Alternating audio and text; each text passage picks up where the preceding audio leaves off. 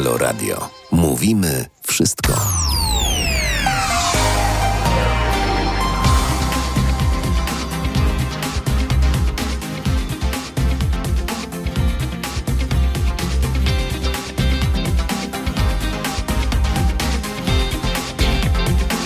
Jest pięć po piątej.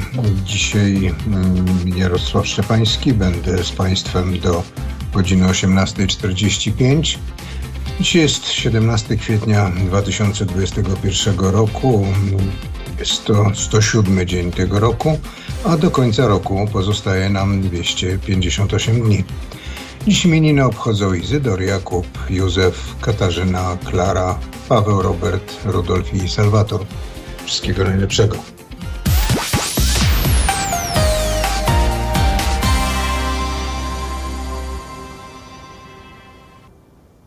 1847 roku urodził się Bronisław Komorowski.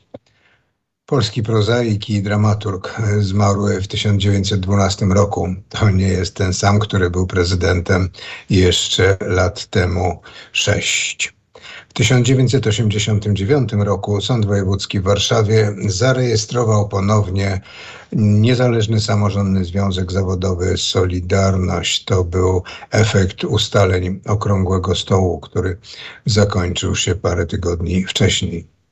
W 1995 roku 22 osoby zginęły w Gdańsku w bloku mieszkalnym przy ulicy Wojska Polskiego w wyniku wybuchu gazu. To wielki budynek, można powiedzieć wieżowiec, który, w którym wybuchł gaz i dwa pierwsze piętra zostały po prostu zmiażdżone. Ten budynek stał, tylko tyle, że nie miał dwóch pięter pierwszych parteru pierwszego piętra, bo one się zapadły i cały budynek się obniżył. W 2010 roku w Warszawie odbyły się uroczystości pożegnalne, czyli inaczej mówiąc, pogrzeb ofiar katastrofy lotniczej w Smoleńsku. Katastrofa miała miejsce tydzień wcześniej, 10 kwietnia. Zginęło 96 osób, łącznie z prezydentem Lechem Kaczyńskim i jego małżonką. Ich pogrzeb odbył się dzień później w, na Wawelu w Krakowie. Pozostałe uroczystości, pogrzeby odbywały się w różnych miejscach kraju, na różnych cmentarzach, natomiast uroczystości centralne odbyły się w Warszawie na Placu Piłsudskiego właśnie 17, 17 kwietnia.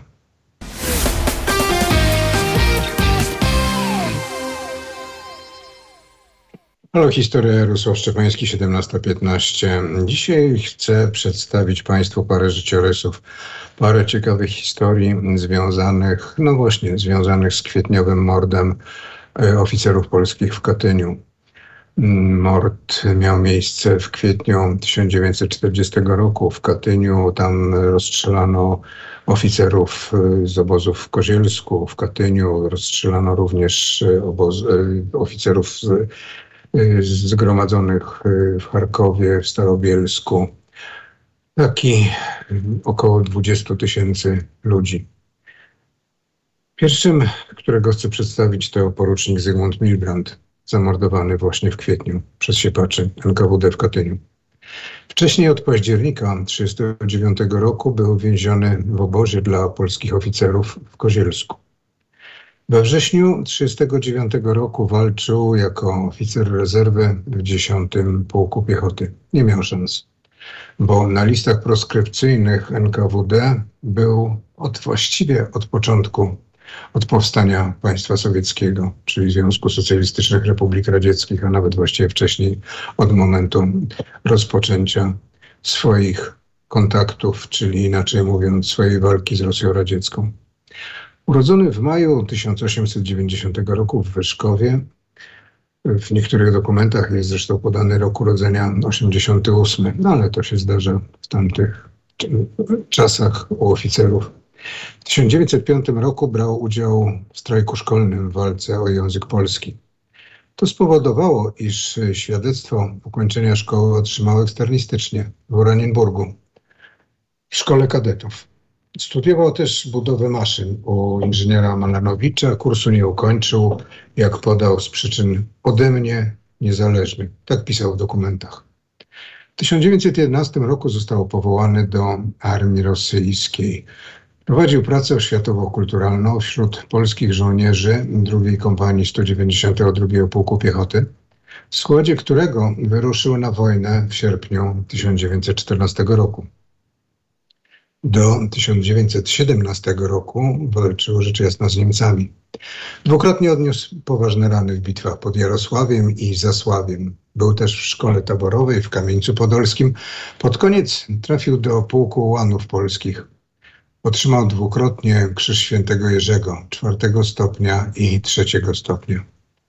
W maju 1917 roku zdezerterował z armii rosyjskiej i wstąpił do Legionu Puławskiego Dywizji Strzelców Polskich.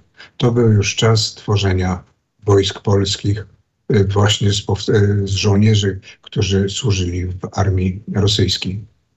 Przydzielony został do pierwszego pułku ułanów, późniejszy pułk mm, ułanów krechowieckich. Był referentem do spraw gospodarczych. Oddział w tym czasie walczył z wojskami austriackimi. Po demobilizacji 5 lipca 1918 roku brał czynny udział w walce z bolszewikami.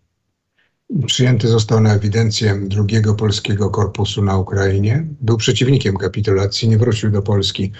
Za to wyjechał do wojsk na Murmań, czyli prawie 2000 kilometrów na północ od Moskwy. To takie portowe miasto z niezamarzającym portem nad Zatoką Kolską w pobliżu granicy z Norwegią i Finlandią. Bardzo ważne zresztą dla tworzonych wówczas y, wojsk polskich ponieważ tamtędy y, byli przerzucani polscy żołnierze, którzy trafiali później do Francji, do dywizji generała Hallera.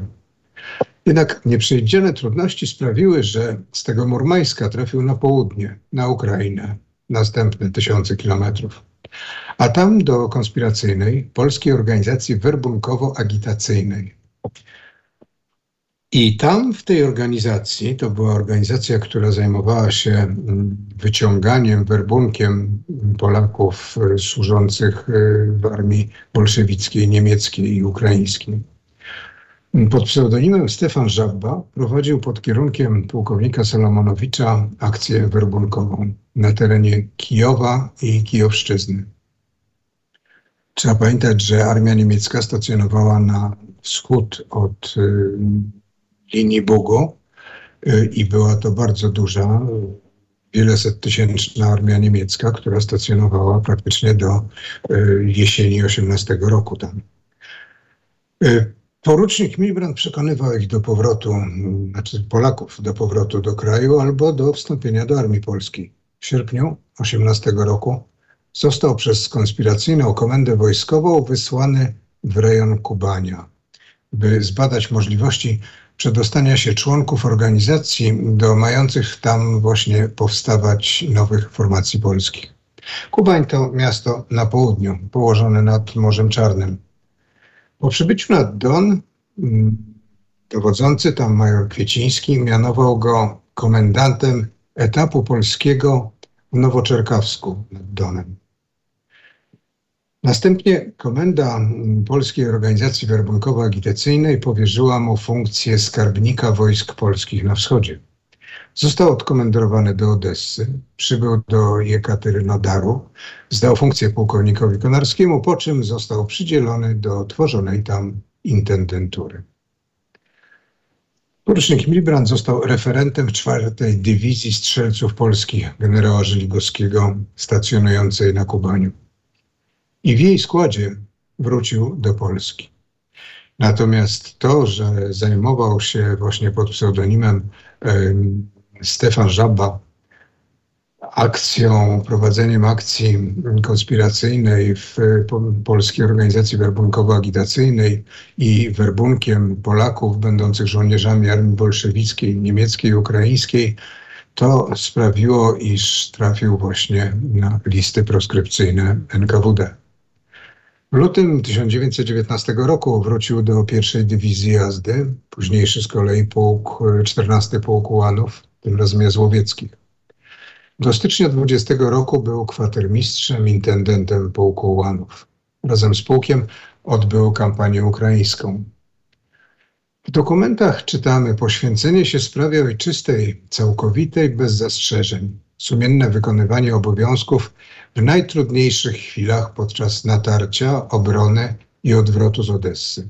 Doskonała znajomość rzeczy i nieskazitelna opinia. Czytamy w opinii pułkownika Bobickiego w dokumentach porucznika Milbranta. We wniosku Komisji Krzyża i Medalu Niepodległości napisano wybitna energia i zmysł administracyjny powodują powierzenie Milbrantowi szeregu stanowisk w służbie gospodarczej. Służba ta w wojsku nie mającym swojego rządu była bardzo ciężką i odpowiedzialną i opartą tylko na osobistym zaufaniu do niego. Przyjęte na siebie obowiązki wypełniał do końca, wykazując niepospolitą energię, wytrwałość i twarde zasady moralne.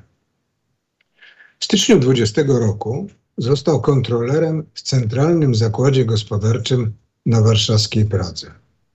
W marcu tego roku przeniesiono go de, do Departamentu Siódmego Ministerstwa Spraw Wojskowych. Zostaje komendantem gmachu na Nalewkach 4 w Warszawie. Nie ma dziś tego gmachu. Z, został zniszczony w czasie po powstaniu w warszawskim getcie. Pracowity i energiczny, nadzwyczaj sumienny, zapobiegliwy, posiada w wielkim stopniu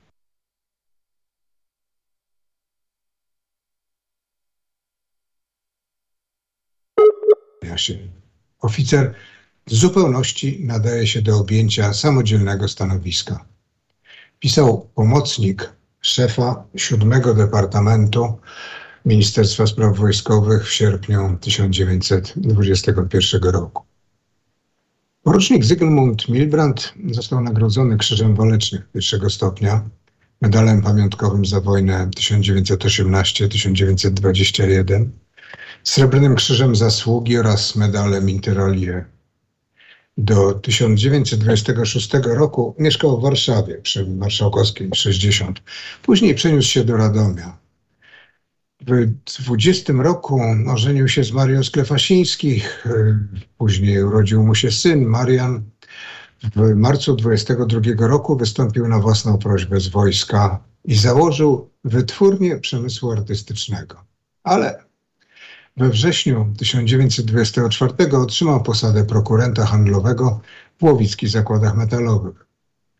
Dwa lata później pracował mm, w firmie amerykańskiej Ron Company, gdzie zajmował się kreśleniem i konstruowaniem sieci wodociągowych, skąd przeniósł się do fabryki maszyn i narzędzi rolniczych Osińskiego w Radomiu. No a to już był krok, bo od połowy 29 roku został zatrudniony w wojskowych zakładach uzbrojenia w Radomiu. To późniejszy łucznik. Po śmierci pierwszej żony w 1934 roku mm, zawarł małżeństwo z Heleną Holenderską. Jego dokumenty, dokumenty dotyczące jego historii są dziś w Wojskowym Biurze Historycznym to jest dawne Centralne Archiwum Wojskowe w Rembertowie. Są w dwóch teczkach. Jedna jest zapisana w, katalogu, w katalogu akt personalnych pod właściwym nazwiskiem Milbrand Zygmunt. Jest w niej dokumentacja wojskowa oficera rezerwy, kawalerzysty pierwszego pułku ułanów krechowieckich, a wcześniej działającego w Polskiej Organizacji Werbunkowo-Agitacyjnej właśnie pod pseudonimem Stefan Żabba. Druga teczka Zawiera dokumenty związane z oceną możliwości i pracą porucznika Zygmunta Milbranta w Radomiu w zakładach zbrojeniowych. Jednak ta teczka jest błędnie oznakowana w katalogu i figuruje jako Milbranded Zygmunt. W teczce są natomiast dokumenty Zygmunta Milbranta.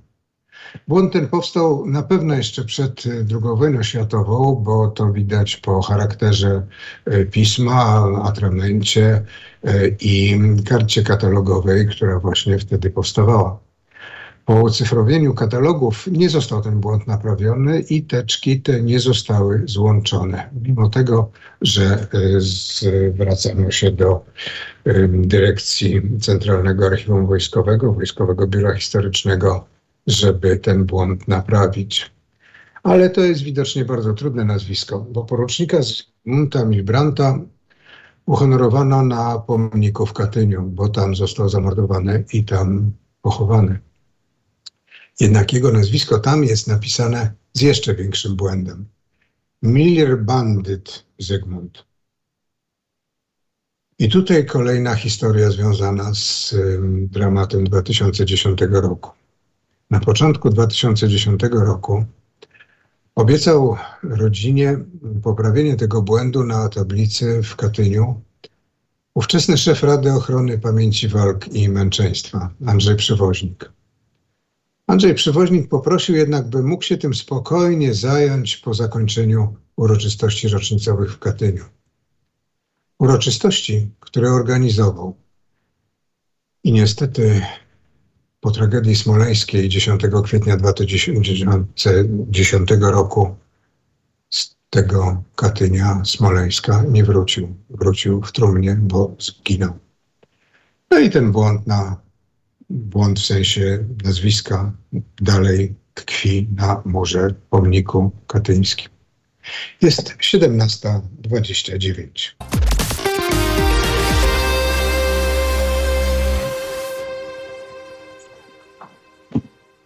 Halo, dzień dobry. Jest 17.29 i teraz będziemy... A, jeszcze chciałam przypomnieć o felietonach i felietonistach, których, e, do, do słuchania których bardzo zapraszamy wszystkich Państwa od poniedziałku do piątku. Nasi felietoniści w poniedziałek rano to będzie tak, o 9.50 zapraszam felieton doktora Przemysława Witkowskiego. O 12.50 doktora Bartosza Fijałka, a o 14.50 felieton Igora Isajewa. O 16.50 Jarosław Gugała.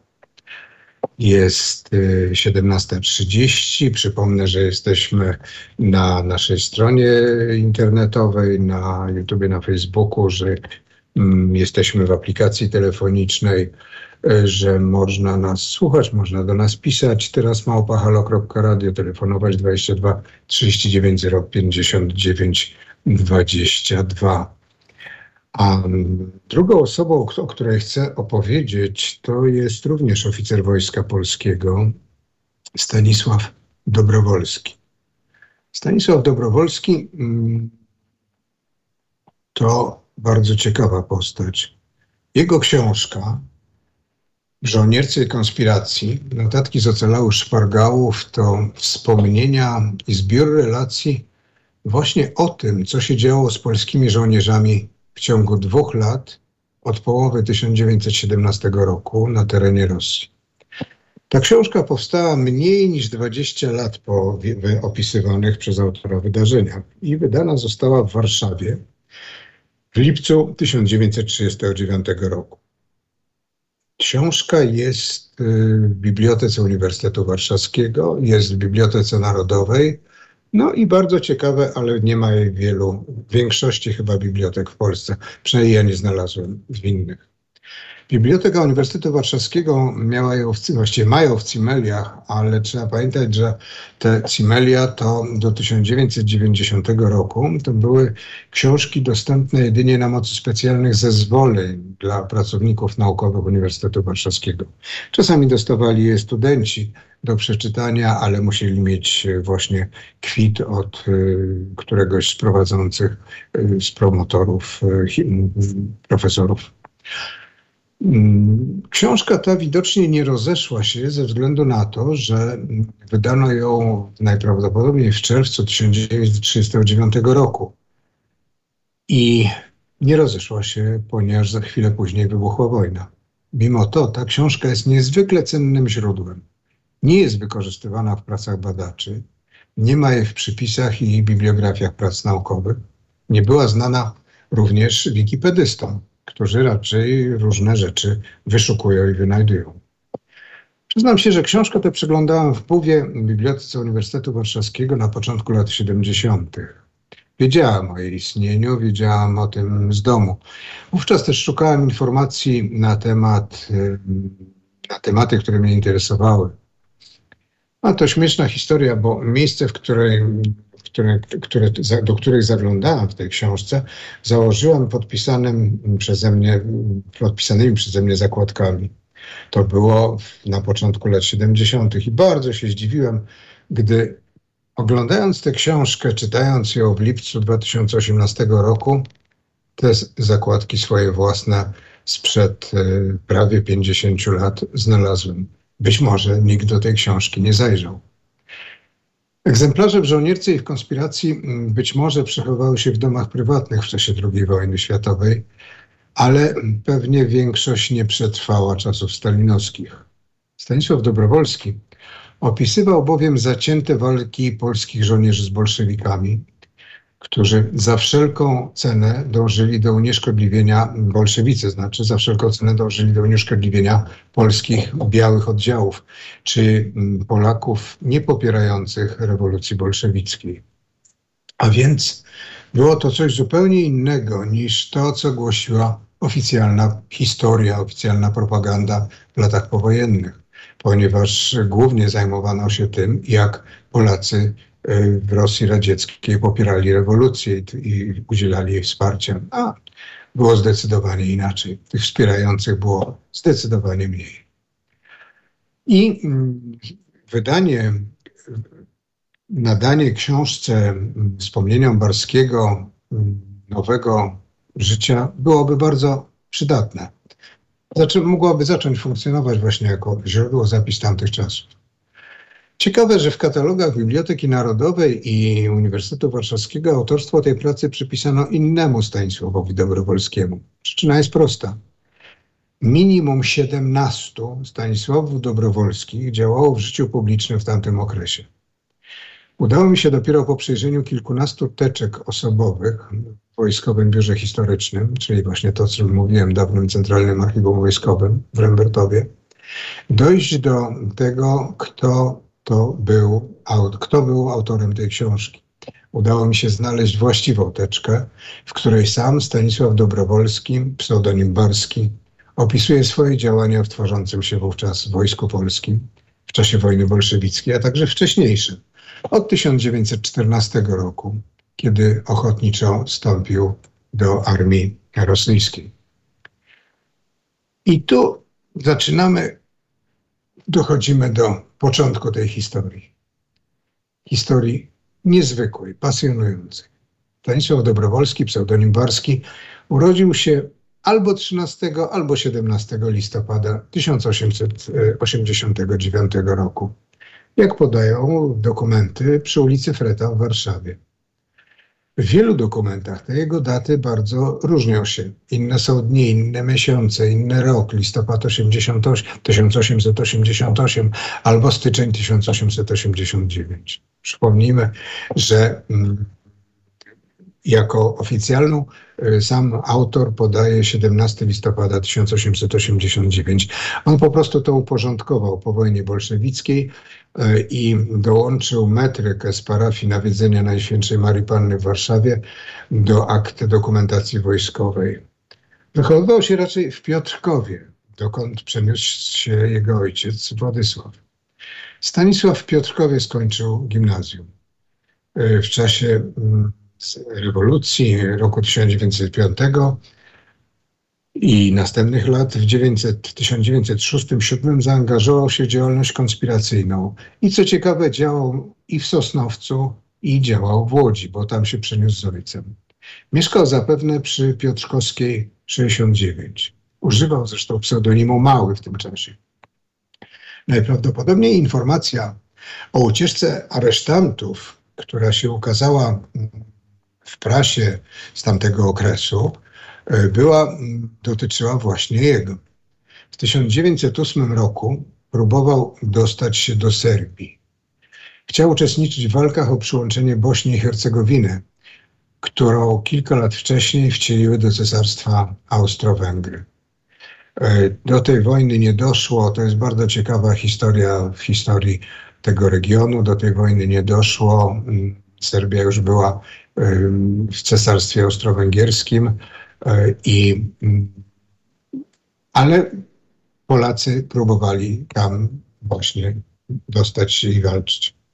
Jako swoje wykształcenie Stanisław Dobrowolski podaje studia na Politechnice w Zittau, zawód chemik-farbiarz w Saksonii oraz studia humanistyczno-filologiczne na Uniwersytecie Tauryckim.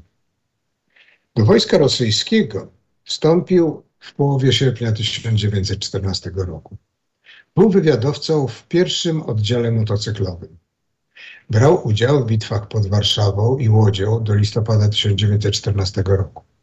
W Prusach Wschodnich od połowy grudnia tego pierwszego roku wojny, czyli 1914, przez rok dowodził grupą, y, dowodził grupą samochodów pancernych. Do połowy 1916 roku dowodził też piątą grupą artylerii ciężkiej 6 Dywizji. Z książki jego można wywnioskować, mm, że stacjonował w Małopolsce Wschodniej. W 1916 roku był ranny na wzgórzu 428 w czasie bitwy pod Jazłowcem na punkcie operacyjnym. Od lipca do października 1916 roku walczył w bitwie pod Świstelnikami, a tam za utrzymanie ognia przez pięć godzin podczas odmówienia posłuszeństwa piechoty dał szansę pułkowi na przegrupowanie się, za co dostał Krzyż Świętego Jerzego. Jako ochotnik z pozwoleniem dowództwa samochodem pancernym wyruszył na Gipsarkę. Po niespodziewanym uderzeniu na nieprzyjaciela z boku dał możliwość pułkowi Mładoczyńskiemu zająć Gipsarkę bez strat mianowany chorążym artylerii z rozkazu Brosiłowa za waleczność. Zaliczony do ekspedycji pierwszego Korpusu Polskiego celem rekwizycji zajął trzy kulomioty, czyli karabiny maszynowe i przekazał je kapitanowi Klukowskiemu. To już e, był czas właśnie tworzenia się, 17 rok tworzenia się e, wojsk polskich i dezerterowania albo wychodzenia po prostu z armii rosyjskiej e, polskich żołnierzy, którzy, mm, którzy do wojska polskiego mm, się zapisywali i wstępowali. Można wnioskować, że od czasu walk na Bukowinie datuje się znajomość i współpraca e, Stanisława Dobrowolskiego z pułkownikiem, pułkownikiem Wincentym Podgórskim, o którym będę mówił w następnej godzinie naszego programu.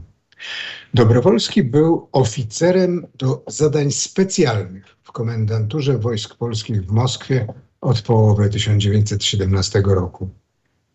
I pracował przy tworzeniu pułku imienia Bartosza Głowackiego w Moskwie. A także zajmował się działaniami organizacyjno-werbunkowymi prowadzonymi przez Naczpol, czyli Naczelne Polskie Dowództwo Wojskowe. Formalnie do polskiego wojska wstąpił w grudniu 17 roku. A po rozwiązaniu przez pułkownika Podgórskiego pułku i komendantury Wojska Polskiego w Moskwie w marcu 1918 roku wyjechał wraz z nim na południe. Przedzierali się przez tereny zajęte przez bolszewików, następnie już sam przedarł się na Murmań. I był starszym oficerem w baterii szkoleniowej właśnie u generała Hallera.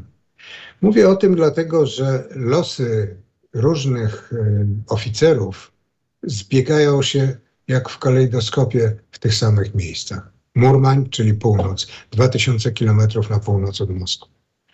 W maju 1918 roku, przypomnijmy, że to jest cały czas wojna, trwa e, rewolucja, e, sowiecka, wojska bolszewickie próbują zlikwidować oddziały interwencyjne na wschód od Polski, a na stacjonuje jeszcze kilkusettysięczna armia niemiecka.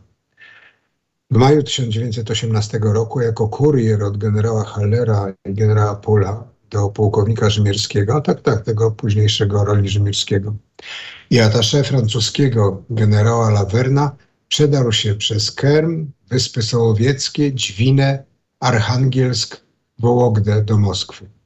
Warto sobie wyobrazić, jakie to są odległości, jaka to była, mm, jaka była komunikacja i jak trzeba było uważać na wojska sowieckie, które cały czas y, dbały na y, polskich oficerów y, i wszystkich, którzy nie byli popierającymi rewolucję. W czerwcu 1918 roku Dobrowolski został mianowany podporucznikiem przez generała Hallera na Mormanie. W sierpniu 18 był wysłany przez pułkownika Rzymierskiego z Moskwy na Ukrainę, czyli na południe, do pułkownika Bobickiego z rozliczeniami. Następnie do Odessy, do działań przy pułkowniku Rybińskim. I tam został wyznaczony do zastępcą e, komendanta wojsk polskich w Mikołajewie. Następnie był komendantem Polskiej Organizacji Werbunkowo-Agitacyjnej na. Na Krymie. Pracował w Semferopolu, Odessie, Noworosyjsku. No i właśnie znowu wspominam, ci sami, ci różni oficerowie w tych samych miejscach, w tym samym czasie, w tej samej organizacji. Brał czynny udział w stawianiu barykad w Odessie w grudniu 18 roku, w czasie walk przy Komorze Celnej. Wysłany po benzynę do Noworosyjska, zachorował na tyfus plamisty, wyszedł ze szpitala w kwietniu 1919 roku. W maju wrócił do dywizji. We wrześniu tego roku był wezwany do generała Hallera do, do Krakowa. Wracał z oddziałami wojskowymi przez Rumunię. Zastępca dowódcy plutonu samochodowego, następnie dowódca kompanii inżynieryjnej z czwartej Dywizji Strzelców. 2 października 1919 roku został przydzielony do Inspektoratu Wojsk Samochodowych. I od marca 1921 roku Pełni Stanisław Dobrowolski funkcję w sekcji wojsk samochodowych Departamentu II Ministerstwa Spraw Wojskowych. Mianowany został kapitanem wojsk samochodowych w kwietniu 1921 roku. Pół roku później otrzymał bezterminowy urlop z przedziałem jako rezerwista do drugiego dywizjonu wojsk samochodowych w Lublinie. Był, jak podawał, we Francji, w Niemczech, we Włoszech, w Austrii, w Rosji, na Kaukazie, w Mormaniu, w Wyspach Sołowieckich.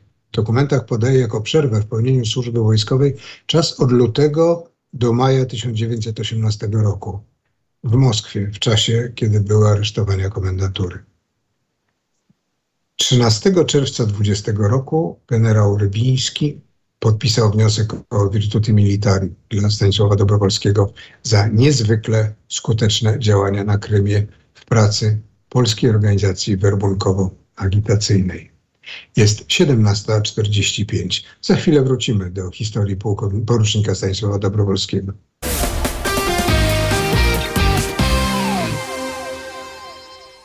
Jest 17.50. Przypomnę, że opowiadam o poruczniku Stanisławie Dobrowolskim. E, I on po powrocie z Wilna, z oddziałów kierownictwa transportu wojskowych, został w kwietniu 20 roku mianowany kapitanem wojsk technicznych. W maju 20 roku, przypomnę, że to już była wojna z bolszewikami, zostaje jako oficer ordynansowy przydzielony do, czyli też do zadań specjalnych, do dowódcy Armii Rezerwowej generała Sosnkowskiego. Dostaje przydział do 8 Dywizji Piechoty, przeprowadza kilka brawurowych akcji. Za bohaterskie zachowanie w bitwie pod Łuczajem gdzie zameldował się jako ochotnik dla przewiezienia motocyklem przez gęsto ostrzeliwany trakt oficera z ważnymi rozkazami, bo brakowało szofera, który jako zraniony nie był w stanie pełnić swojej służby. I po dostarczeniu tego oficera na miejsce został przedstawiony 9 listopada 1920 roku do mm, przedstawiony wniosek o order virtuti militari. W dzienniku personalnym Ministerstwa Spraw Wojskowych z końca 20 roku widnieje adnotacja, że oddział, w którym wówczas się znajdował e, kapitan Dobrowolski, ma o tym donieść e, Wydziałowi Prac Przygotowawczych dla Komisji Weryfikacyjnej przy oddziale 5 sztabu Ministerstwa Spraw Wojskowych. Wtedy otrzymał Krzyż Walecznych. Po zakończeniu kampanii 20 roku e, Dobrowolski przechodzi do cywila. W 23-24 roku jest oficerem rezerwy w stopniu kapitana ze starszeństwem właśnie od czerwca 1919 roku. Najpierw w pierwszym dywizjonie samochodowym należącym do garnizonu warszawskiego, następnie w drugim dywizjonie samochodowym w Lublinie. W 21 roku został bezterminowo urlopowany. Dokumentacja wskazuje, że był oficerem rezerwy do końca lat 30. Żonaty był od 21 roku, mieszkał w Warszawie przy ulicy Sanatorskiej 36. Bardzo to jest ciekawa historia, ponieważ i tu właśnie jest to pytanie. Oficer bardzo dobry, karny, nadzwyczaj energiczny, obowiązkowy, nieskazitelnie sumienny, idealny oficer do zleceń służbowych, zleceń specjalnych, wierny syn ojczyzny. To pisał pułkownik Podgórski. A kapitan Bagiński pisał wobec podwładnych wymagający i poważny, wobec kolegów przychylny, wobec zwierzchników karny. Najciekawsze jest to, że sama książka, o której napisano, która wydana w 1939 roku i o której napisano, ym, napisano rzecz, następujący cytat w żołnierzu, w informacji tak, o żołnierzu polskim, takim piśmie. Książka Stanisława Dobrowolskiego, pseudonim Barski, byłego członka komendantury wojsk polskich Okręgu Moskiewskiego, byłego Murmańczyka, byłego działacza organizacji werbunkowo-agitacyjnej w Rosji, byłego oficera czwartej Dywizji Strzelców Polskich generała Żeligowskiego, Autor najpierw jako wojskowy rosyjski, następnie jako działacz w służbie sprawy polskiej zmierzył całą olbrzymią Rosję. Poprzez pierwszy korpus od Murmania i Archangielska, poprzez Wołogdę, Moskwę, Krym, Kubań, Konstantynopol, Odessę, bądź to w charakterze tajnego kuriera polskiego, bądź też jako czynny działacz w akcji werbunkowo-agitacyjnej. Znał wielu ludzi, ich działalność, notował swoje przygody, spostrzeżenia i to wszystko zamieścił w obecnie, czyli w 1939 roku, opublikowanej obszernej książce. Zawiera ona kilkaset nazwisk działaczy cywilnych, wojskowych dawnej Rosji. Wśród nich może również niejedno nazwisko y, ludzi, którzy czytali te słowa. Czynnych. 350 ton y, druku. Najciekawsze jest to, że losów, dalszych losów Stanisława Dobrowolskiego, pseudonim Warski, nie udało się ustalić. Szukałem gdzie bądź na listach katyjskich pod takim nazwiskiem tego, takiego oficera nie ma. Na listach obozów niemieckich nie ma. Na warszawskich cmentarzach znalazłem wielu ludzi o takim imieniu i nazwisku, jednak niektórzy mieli inne daty urodzenia, inni inne miana rodziców. Czy przeżył wojnę? Wszystko na to wskazuje, że mógł być po prostu oficerem drugiego oddziału sztabu generalnego, czyli wywiadu wojskowego. Może zmienił nazwisko, pracował w podziemiu. Jego dalsze losy są nieznane. Nie wiemy, czy kiedy zginął, gdzie zginął, a patrząc na arcyciekawy życiorys, mogący być kanwą fantastycznego filmu przygodowego, to nie chce się wierzyć, że po prostu gdzieś sobie zmarł. Mówiłem o Stanisławie Dobrowolskim, pseudonim Barski. Jest 17.55. Halo Radio. Mówi wszystko.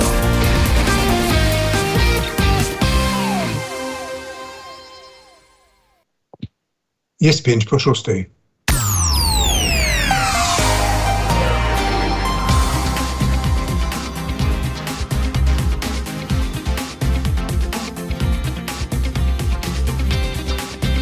Jarosław Szczepański, jest 17 kwietnia, mm, to jest 107 dzień tego roku, do końca roku pozostaje 258 dni, a ja pozostanę z Państwem do 18.45, czyli jeszcze 39 minut.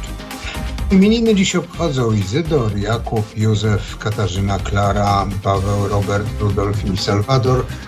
Wszystkiego najlepszego. Przypomnijmy, że dziś, czyli 17 kwietnia, urodził się Bronisław Komorowski w 1847 roku. To był polski prozaik i dramaturg, który zmarł w 1912 roku. Zbieżność nazw imienia i nazwiska nieprzypadkowa z późniejszym prezydentem. W 1989 roku Sąd Wojewódzki w Warszawie ponownie zarejestrował Niezależny Samorządny Związek Zawodowy Solidarność. To było w efekcie postanowień Okrągłego Stołu. Ponowna rejestracja Solidarności miała ona miejsce właśnie 17 kwietnia. W 1995 roku, 17 kwietnia, zginęły 22 osoby w wyniku wybuchu gazu w bloku mieszkalnym przy ulicy Wojska Polskiego w Gdańsku. To był wybuch gazu, który nastąpił na parterze. Zostały zduszone dwa piętra, bo to duży budynek na 11 czy 12 piętrowy. Um, zostały pierwszy, parter pierwsze piętro zostało przyduszone całym budynkiem, który dalej stał. Zginęli ludzie, którzy mieszkali właśnie na tych pierwszych piętrach, po prostu pozostali zmiażdżeni. A w 2010 roku w Warszawie odbyły się uroczystości pożegnalne ofiar katastrofy lotniczej w Smoleńsku. Przypomnijmy, że sama katastrofa miała miejsce tydzień wcześniej, 10 kwietnia, kiedy to mm, samolot e, z 96 osobami na pokładzie, w tym z prezydentem Lechem Kaczyńskim i jego małżonką, lecieli na uroczystości rocznicowe na groby polskich oficerów do Katynia.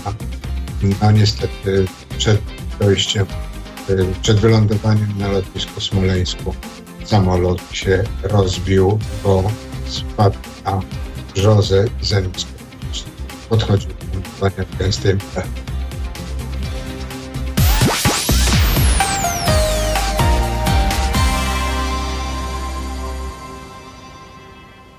Przypomnę, że jest 18.09, e, że jesteśmy mm, w tej chwili. Przypomnę jeszcze o felietonach, na które zapraszamy od poniedziałku do piątku. E, I we wtorek o 9.50 zapraszam na felieton profesora Tadeusza Bartosia. O 12.50 na felieton e, Marka Czyża. 14.50 felieton profesora Marcina Matczaka, a 16.50 felieton profesor Ewy Pietrzyk-Zieniewicz. Dzisiaj opowiadam Państwu o losach polskich oficerów, którzy najpierw służyli e, w armii rosyjskiej, ponieważ urodzili się w końcu XIX wieku. E, służyli w armii rosyjskiej, później oczywiście byli oficerami Wojska Polskiego. E, wielu, wielu z nich, wielu polskich oficerów, którzy mieli rodowód właśnie z wojska rosyjskiego, zginęło później w Katyniu zamordowanych przez bolszewików w 1940 roku. Teraz y, za chwilę będę Państwu opowiadał o pułkowniku Wincentym Podgórskim. Temu udało się, zmarł w rodzinnym domu w lutym 40 roku, bowiem ze względu na ranę i chorobę odesłano go do domu i nie trafił do Kozielska. Nie został zamordowany w Katyniu, zmarł wcześniej. Jest 18.10.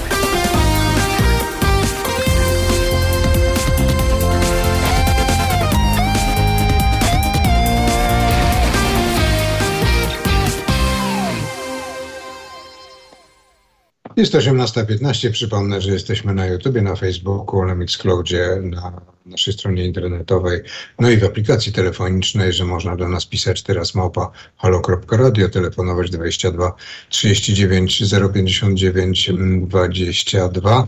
A ja dziś Państwu opowiadam o mm, oficerach urodzonych w ostatnich dwóch dziesięcioleciach XIX e, wieku, oficerach, którzy najpierw byli w wojsku rosyjskim ze względu na to, że mogli, mieszkali na terenie zaboru rosyjskiego, no a później byli oficerami Wojska Polskiego. Teraz chcę mm, opowiedzieć o mm, pułkowniku Wincentym Podgórskim.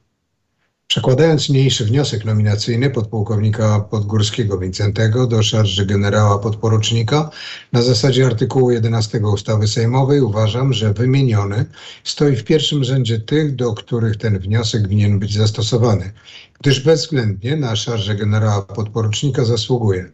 Przyjmując pod uwagę te korzyści, jakie przyniósł Armii Polskiej, podpułkownik Podgórski dzięki swym wybitnym zdolnościom organizacyjnym, częstokroć nadludzkiej pracy i wysiłkom. Dla poparcia wyżej powiedzianego przytoczę kilka momentów z działalności podpułkownika Podgórskiego w organizowaniu wojsk polskich. To jest dokumentacja wniosku nominacyjnego na posunięcie o jedną szarżę wyżej, to jest do stopnia generała podporucznika. Mm, zachowana taka w aktach właśnie została y, z 26 roku. Już we wrześniu 1917 roku był mianowany przez Naczelny Polski Komitet Wojskowy komendantem wojsk polskich Okręgu Moskiewskiego. Podpułkownik Podgórski w nadzwyczaj trudnych warunkach organizuje wojskowych Polaków, tworząc polski pułk imienia Bartosza Głowackiego. Za swą szeroką, rozwiniętą działalność podpułkownik Podgórski nie zrażał się przeciwnościami, skupiając wokoło siebie najlepszych synów ojczyzny. aż wreszcie został aresztowany i osadzany w więzieniu. Maltretowany, skazany przez bolszewików na śmierć za swoją działalność, zdołał się jednak wyrwać z rąk bolszewików i w niewymownie trudnych warunkach przedostał się do Grodzieńszczyzny, gdzie bez chwili wytchnienia znów zabrał się do pracy organizacyjnej, tworząc zawiązek późniejszej litewsko-białoruskiej dywizji. I tu jednak przez Niemców był prześladowany, znowu skazany na śmierć, dalej prowadził działalność konspiracyjną w ziemi grodzieńskiej, aż do dnia 3 stycznia 1919 roku. Od tej daty rozpoczęła się działalność podpułkownika Podgórskiego przy organizacji wojsk samochodowych, początkowo na stanowisku autonaczelnika Generalnego Okręgu Warszawskiego, później jako dowódcy autobrygady wspomnianego okręgu. Ten wręcz sienkiewiczowski opis dokonań tego oficera w najtrudniejszych dla odbudowy polskiej państwowości latach 1917-1918 właśnie jest załączony do tego wniosku nominacyjnego, o którym mówiłem. Mm, z kim był ten pułkownik? Urodził się w 1882 roku w Wilnie. Był synem Cezarego Podgórskiego i Marii Stańskich. Matka żyła jeszcze w latach dwudziestych XX wieku, mieszkała w Lidzie, w guberni wileńskiej. Rodzina za udział i wspieranie powstania styczniowego została pozbawiona majątku. Jan w tradycji rodzinnej E, wraz ze swoim bratem jeszcze przed opuszczeniem w 1900, 1864 roku dworu, z którego wypędzała ich armia carska, przenieśli w koszach ze stajni świeży koński nawóz i skropolatnie rozrzucili go po całym dworku. Zostawili więc dworek z lekko wypachniony końskim e, nawozem. Elementarne wykształcenie Wincenty, jak sam to określał, otrzymał w domu. Po skończeniu siedmiu klas pierwszego korpusu kadetów i zdaniu egzaminu dojrzałości we wrześniu 1902 roku wstąpił do wojska rosyjskiego i został zaliczony do artylerii jako junkier, portupie junkier. Ukończył w Petersburgu dwuletnią wyższą Michajłowską Wojskową Szkołę Artylerii, specjalizował się w elektrotechnice i uzyskał wynik celujący. Pisał pracę, przypomnę, jesteśmy w roku 1902, e, silniki spalinowe w zastosowaniu do potrzeb wojennych. Po szkole, e, którą skończył w 1904 roku, został wysłany do Turkestanu, czyli na południe Imperium Rosyjskiego, gdzie jako podporucznik artylerii mm, od e, 1900, to, to się nazywało starszeństwem od 1903 roku. Był przeznaczony do oddziałów dyslokowanych w Średniej Azji, dowodził na granicy z Afganistanem konną półbaterią. To ciekawe, że pobyt y, w tych y, oddziałach, tych y, lokalizacjach był liczony do emerytury 4 dni za każde 3 dni czyli to były dla oficerów było to opłacalne daleko od domu, daleko od rodziny, ale szybciej do emerytury. Od października 1904 roku do końca 1906 stacjonował w batalionie artylerii w twierdzy Kuszka w Turkestanie, właśnie na granicy Afganistanu. Później był na dwuletnich kursach elektrotechnicznych w Petersburgu. Skończył je z wynikiem celującym. Zajmował się też prowadzeniem zajęć praktycznych wykorzystania budowy silników spalinowych, czyli wrócił do swoich pierwotnych zamiłowań. W sierpniu 1907 roku został mianowany porucznikiem artylerii, po czym aż do września 1910 roku ponownie wyjechał do Średniej Azji. Tam organizował oddziały elektrotechniczne. Od, znowu wrócił do Petersburga na kursy elektrotechniczne, jednocześnie pracował w petersburskiej fabryce armat i w laboratorium elektrotechnicznym. Po zdaniu egzaminów teoretycznych i zdaniu robót praktycznych otrzymał dyplom, dyplom elektrotechniczny. W sumie to były czteroletnie studia. Jak sam już pisał w dokumentach składanych w Wojsku Polskim po powrocie do Polski, nie miał dokumentów potwierdzających ukończenie, ukończenie carskich szkół, bowiem, cytat, zrabowali je bolszewicy. Potwierdzenie stanu faktycznego można znaleźć w rozkazach armii rosyjskiej.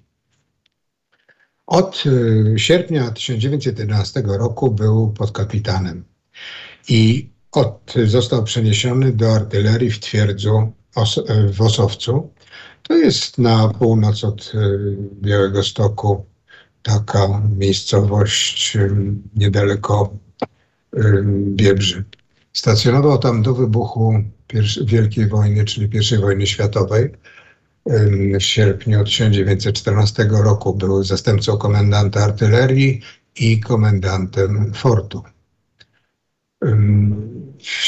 W tym czasie wziął ślub niedaleko, stosunkowo niedaleko w Usnarzu Makarowcach, to już jest, dzisiaj to jest Białoruś. Od sowieckiej twierdzi, twierdzy dzieliło to miejsce niecałe 100 kilometrów. W czasie wojny, która wybuchła 1 sierpnia, jak pewnie wszyscy pamiętają, ale przypomnę, 1 sierpnia 1914 roku był dowódcą baterii artylerii fortecznej w twierdzy w Osowcu. W czasie walk z Niemcami dowodził sześcioma ciężkimi i dwoma lekkimi bateriami. W czasie walk jeden z pocisków uderzył w latrynę, do której szedł, ale ponieważ ktoś go zatrzymał po drodze, to podmuch mm, wybuchu rzucił nim o ścianę, obrzucił zawartością latryny, ale do końca życia nosił odłamek, który mm, ugrzązł w ścianie tej latryny. Gdyby się pospieszył pułkownik, to by razem z tą latryną wyleciał w powietrze i zginął.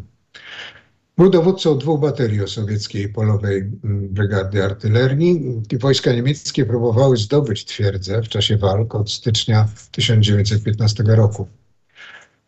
Wówczas przerzucono wraz z tymi bateriami polowymi kapitana Podgórskiego i przerzucono go na Bukowinę, gdzie walczył w bitwie pod Kirlibabą.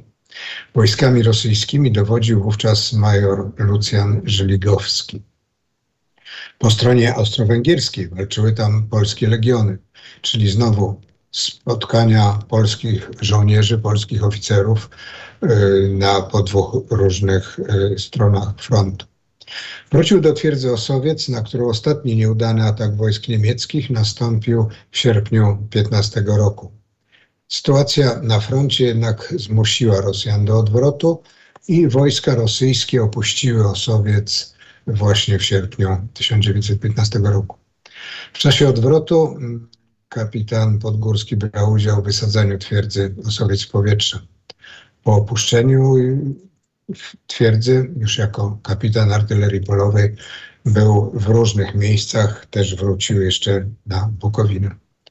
Po odniesieniu trzech silnych ran, kontuzjowaniu w październiku i listopadzie 16 roku ewakuowano go z frontu do szpitala wojskowego w Moskwie.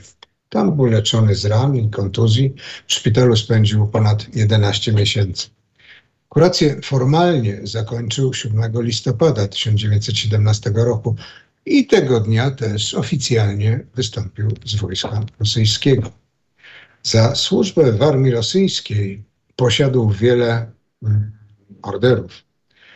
Mm, order świętego Stanisława, świętej Anny, świętego Włodzimierza to były najważniejsze ordery przyznawane za y, odznaczenia bojowe, między innymi za udział, za waleczność y, w obronie fortecy Osowiec, czy w walkach y, w Bukowinie pod Kiribabą. Został mianowany pułkownikiem ze starszeństwem od początku mm, I wojny, później światowej. Wróćmy do, wróćmy do Moskwy. Jest 17 rok. Polska praca wojskowa na terenie Moskwy była prowadzona od dawna. W marcu 17 roku odbyło się w Moskwie pierwsze zebranie wojskowych Polaków tamtejszego garnizonu, a na drugim utworzono formalnie Związek Wojskowych Polaków Okręgu Moskiewskiego. Pułkownik Podgórski działał w nim od y, lutego 1917 roku. W marcu został wybrany na członka komisji rewizyjnej. To była oczywiście działalność prowadzona konspiracyjnie, bo jeszcze był formalnie oficerem wojska rosyjskiego. Pracował na rzecz powstania związku od przyjazdu do Moskwy w październiku 16 roku, e, a formalnie dopiero od rok później, czyli od października 17 roku, był mm, już w Wojsku Polskim. E, najważniejszymi oficerami był, byli w, w tym e, Związku Polaków Wojskowych Okręgu Moskiewskiego, był generał Latour, pułkownik Konosewicz. On został powołany na przedstawiciela Naczpolu na okręg moskiewski. Rozpoczął energiczną działalność werbowania wojskowych Polaków do polskich sił zbrojnych. Już 3 sierpnia 17 roku udało mu się wyrwać z Moskwy ze 192 zapasowego pułku piechoty rosyjskiej 14 oficerów 170 szeregowych. To było między innymi wśród tych Polaków byli oficerowie Lewszecki, Dzikowski, Augustowski, Krause, Chomicz. Moskwa była w czasie wojny miastem bardzo przyludnionym. Była zresztą też miastem pełnym szczurów. Codziennie rano ordynans pułkownika meldował o tym, ile szczurów zabił się kierą. Dopiero po tych jego akcjach deratyzacyjnych można było korzystać z łazienki. Po Moskwie codziennie rano i wieczorem z całego miasta do rzeki przemieszczały się hordy szczurów. W tym czasie arterie nadrzeczne zamierały. Dorożki, powozy stawały. Wszyscy czekali, aż gryzonie przejdą do wody, a po chwili, kiedy się napiją, wracały z powrotem do miasta. Stanisław Dobrowolski pisał w książce, o której mówiłem chwilę temu, Poza wieloma szczegółami dotyczącymi pracy społecznej niepodległościowej, w której inżynier Stefanowski brał czynny i żywy udział, dowiedziałem się od niego, że jest w łączności z komendantem Naczelnego Polskiego Komitetu w Moskwie, wówczas pułkownikiem Wincentem Podgórskim, u którego miałem się zameldować. No i pisał dalej kapitan Dobrowolski. Po dwóch dniach inżynier Stefanowski Prowadził mnie do pułkownika Podgórskiego, do komendantury Naczelnego Polskiego Komitetu Wojskowego w Moskwie. Komendant przyjął mnie życzliwie. Poinformowałem go o położeniu w terenie, z którego przybywałam, a następnie zostałem wciągnięty do roboty, której kresem był dopiero powrót do kraju. Latem 17 roku polskich żołnierzy starano się kierować do pierwszego korpusu, Jesienią powstała w Moskwie właśnie komendantura Naczelnego Polskiego Komitetu Wojskowego dla Okręgu Wojskowego Moskiewskiego. Komendantura powstała na podstawie pierwszego rozkazu Naczpola z 8 listopada 1917 roku. Ulokowała się w hotelu Elit. Zadaniem jej było prowadzenie akcji uzupełniania korpusów polskich materiałem wyrzucanym przez rewolucję, wyławianym z formacji rosyjskich, szeregami Polaków wojskowych niemieckich, austriackich oraz legionistów znajdujących się w niewoli rosyjskiej. Zadaniem drugim było zorganizowanie odpowiedniego oddziału Wojska Polskiego w Moskwie w celu przeprowadzenia ochrony polskich zabytków historycznych, przykład obrazu Jana Matejki Bitwa pod Grunwaldem i zademonstrowania faktu istnienia polskiej siły zbrojnej na terenie państwa rosyjskiego. Tym y, oddziałem był pułk imienia Bartosza Głowackiego stacjonujący w Moskwie. Przypomnijmy, 7 listopada 1917 roku była, wybuchła wielka socjalistyczna rewolucja rosyjska. Y, w tym czasie bolszewicy próbowali przejąć władzę i walczyli o Moskwę. Y, starali się wszystkich żołnierzy wcielić do swojej, swojej rewolucyjnych sił zbrojnych a szczególnie mm, biali oficerowie polscy, y, no, oficerowie budzili w nich wielki niepokój. Zadaniem tej mm, dalszym y, dokumencie, zadaniem komendantury było zapewnienie łączności Moskwy z pierwszym korpusem w postaci obserwowania, dozorowania szlaków bojowych, prowadzenie akcji w sprawach, które narzucały komplikujące się wypadki, a więc przemycanie ludzi przez Murmań w porozumieniu z misją francuską do Francji, celem nasilania nimi kadry tworzących się tam oddziałów Wojska Polskiego. Czyli to, o czym mówiłem w pierwszej godzinie naszego programu. Przez Murmań, czyli 2000 kilometrów na północ od Moskwy, bardzo wielu polskich żołnierzy z armii rosyjskiej, tych, którzy wyszli z armii rosyjskiej, nie chcieli, y, nie, nie stawali się bolszewikami, przedzierało się właśnie przez Murmań do Francji i trafiało do armii generała Hallera. Tym y, zadaniem również y, komendantury moskiewskiej było, była walka z bolszewizacją, szerzoną wśród wojskowych Polaków przez bolszewików rosyjskich, którzy przyczynili się nawet do zbolszewizowania pułku polskiego, tak zwanego białgorodzkiego, sformułowanego w mieście Białgorodzie. Notabene walka ta spowodowała powrót około 4 tysięcy ludzi z tego pułku do naszych karnych szeregów, czyli tych szeregów białych polskich żołnierzy, czyli tych, którzy nie byli zwolennikami rewolucji radzieckiej. Rozkaz na Czpola przyszedł o godzinie pierwszej w nocy i w ciągu kilku godzin został całkowicie wykonany, bo już o godzinie 10 rano cały aparat komendantury był zorganizowany i funkcjonował. Komendantem został właśnie pułkownik Wincenty Podgórski. Adiutantem jego był początkowo urzędnik wojskowy Górski, a następnie do końca porucznik Stanisław Pisarski. Ciekawe, najbliższymi współpracownikami pułkownika Podgórskiego byli zastępca komendanta, kierownik działu organizacyjnego podkapitan Szczeniawski, późniejszy y, profesor Uniwersytetu Warszawskiego, kierownik działu gospodarczego podpułkownik Giejsztow i porucznik Dobnarowicz. Szef personalny to był kapitan Sokołowski, referat komunikacyjny Kornet Świątecki. Skarbnikiem był Lucjan Rosenblum czyli brat y, żony pułkownika Podgórskiego. Referatem kulturalno-światowym zawiadywał Włodzimierz Atanazy Rosenbaum. Referatem prasowym chorąży Dąbrowski. Ochroną zabytków historycznych zajmował się Włodzimierz Dybczyński, który po oficjalnym zlikwidowaniu komendantury w marcu 1918 roku prowadził jej agendy konspiracyjne przez dłuższy czas i dzięki niemu udało się wiele polskich zabytków przerzucić właśnie e, z Moskwy, z Rosji do mm, kraju e, w sposób oczywiście konspiracyjny. Referatem obozu jeńców zajmował się porucznik Modzelewski, ratowania więźniów porucznik Fabianowicz, a oddziałem automobilowym chorąży Wiktor Adolf. Byli jeszcze oficerowie do zadań specjalnych, o których jednym z nich mówiłem. Pułkownik Szrobocki, podporucznik, e, podporucznik Stanisław Owczarski i Stanisław Dobrowolski oraz kornet Brauliński.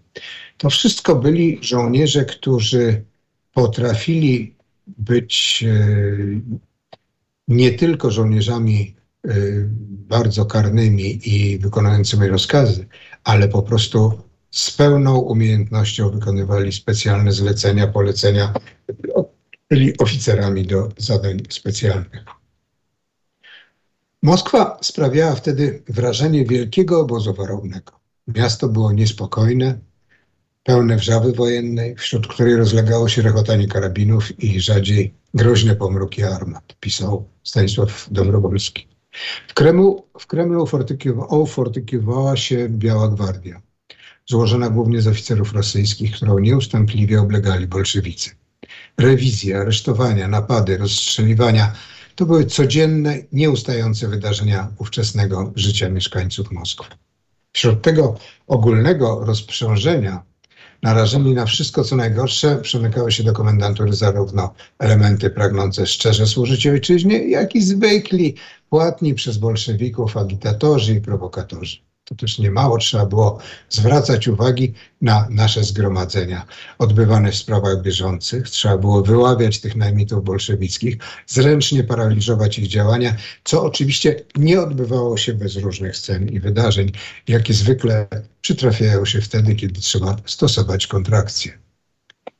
8 listopada 1917 roku y, właśnie zostały przekazane Y, insygnia dowódcze pułkownikowi Podgórskiemu. Został on y, na rozkaz Naczelnej Polskiej Komendatury Wojskowej komendantem wojsk polskich na okręt wojenny w Moskwie. Komendantura zaczęła formować polski rezerwowy pułk. Dowódcą tego pułku został pułkownik Majewski. E, miał pod sobą około tysiąca polskich żołnierzy, uzbrojonych, świetnie wyszkolonych, co w ogarniętej falą rewolucji Moskwie było wielkim zagrożeniem dla władz bolszewickich i dla wojsk rewolucyjnych. Formowanie polskiej jednostki, pomimo przeszkód ze strony bolszewików, postępowało systematycznie. W styczniu 1918 roku podpułkownik Podgórski został wybrany na przedstawiciela Naczpolu na okręg moskiewski. Z rozkazu komendanta y, pułk przemianowano na batalion y, obrony skarbów narodu polskiego w Moskwie. Rozpoczęły się ze strony władz bolszewickich jednocześnie represje, rewizje. Aresztowania były na porządku dziennym.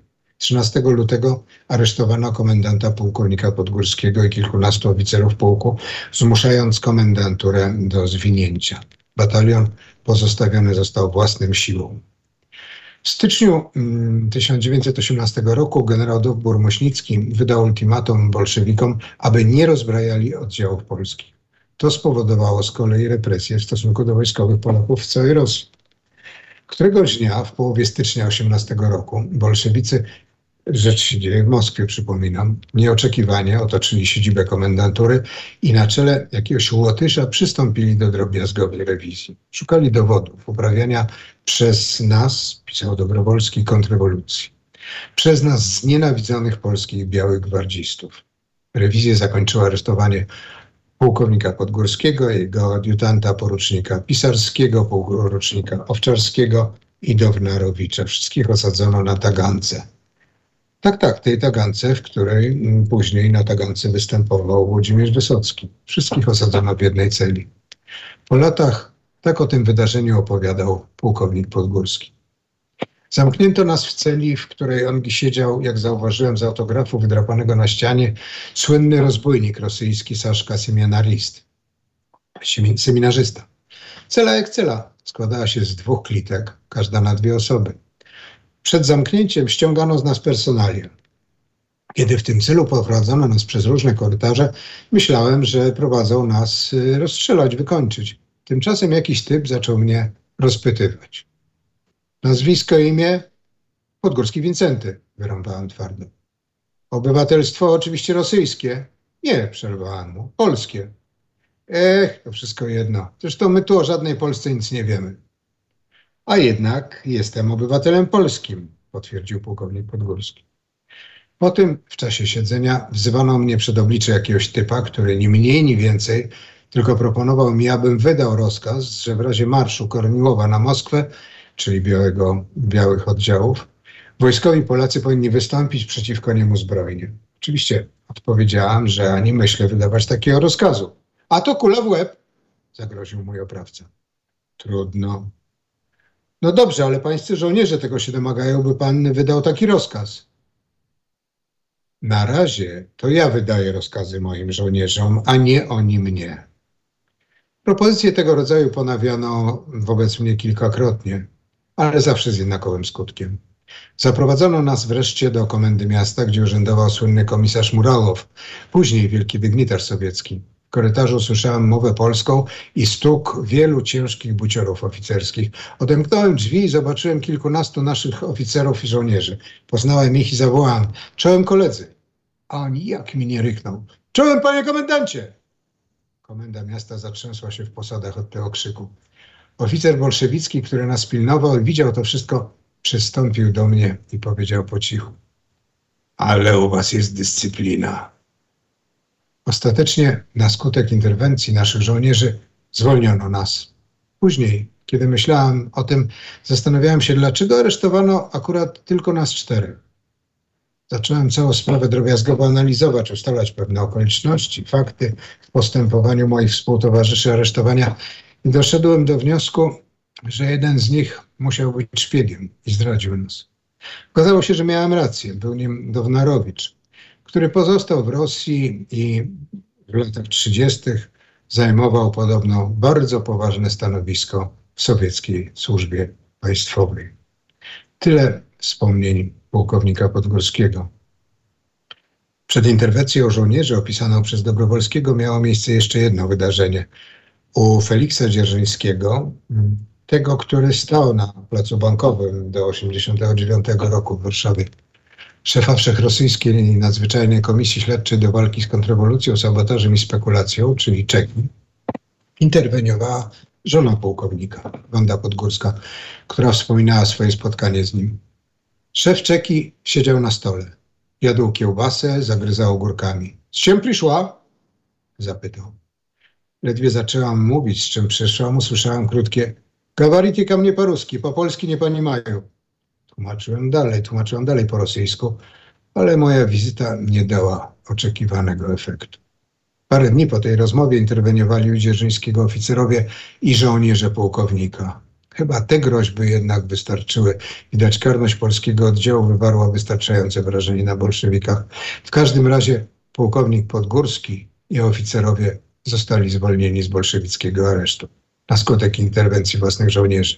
Tak można czytać we wniosku nominacyjnym ze stopnia podpułkownika na pułkownika.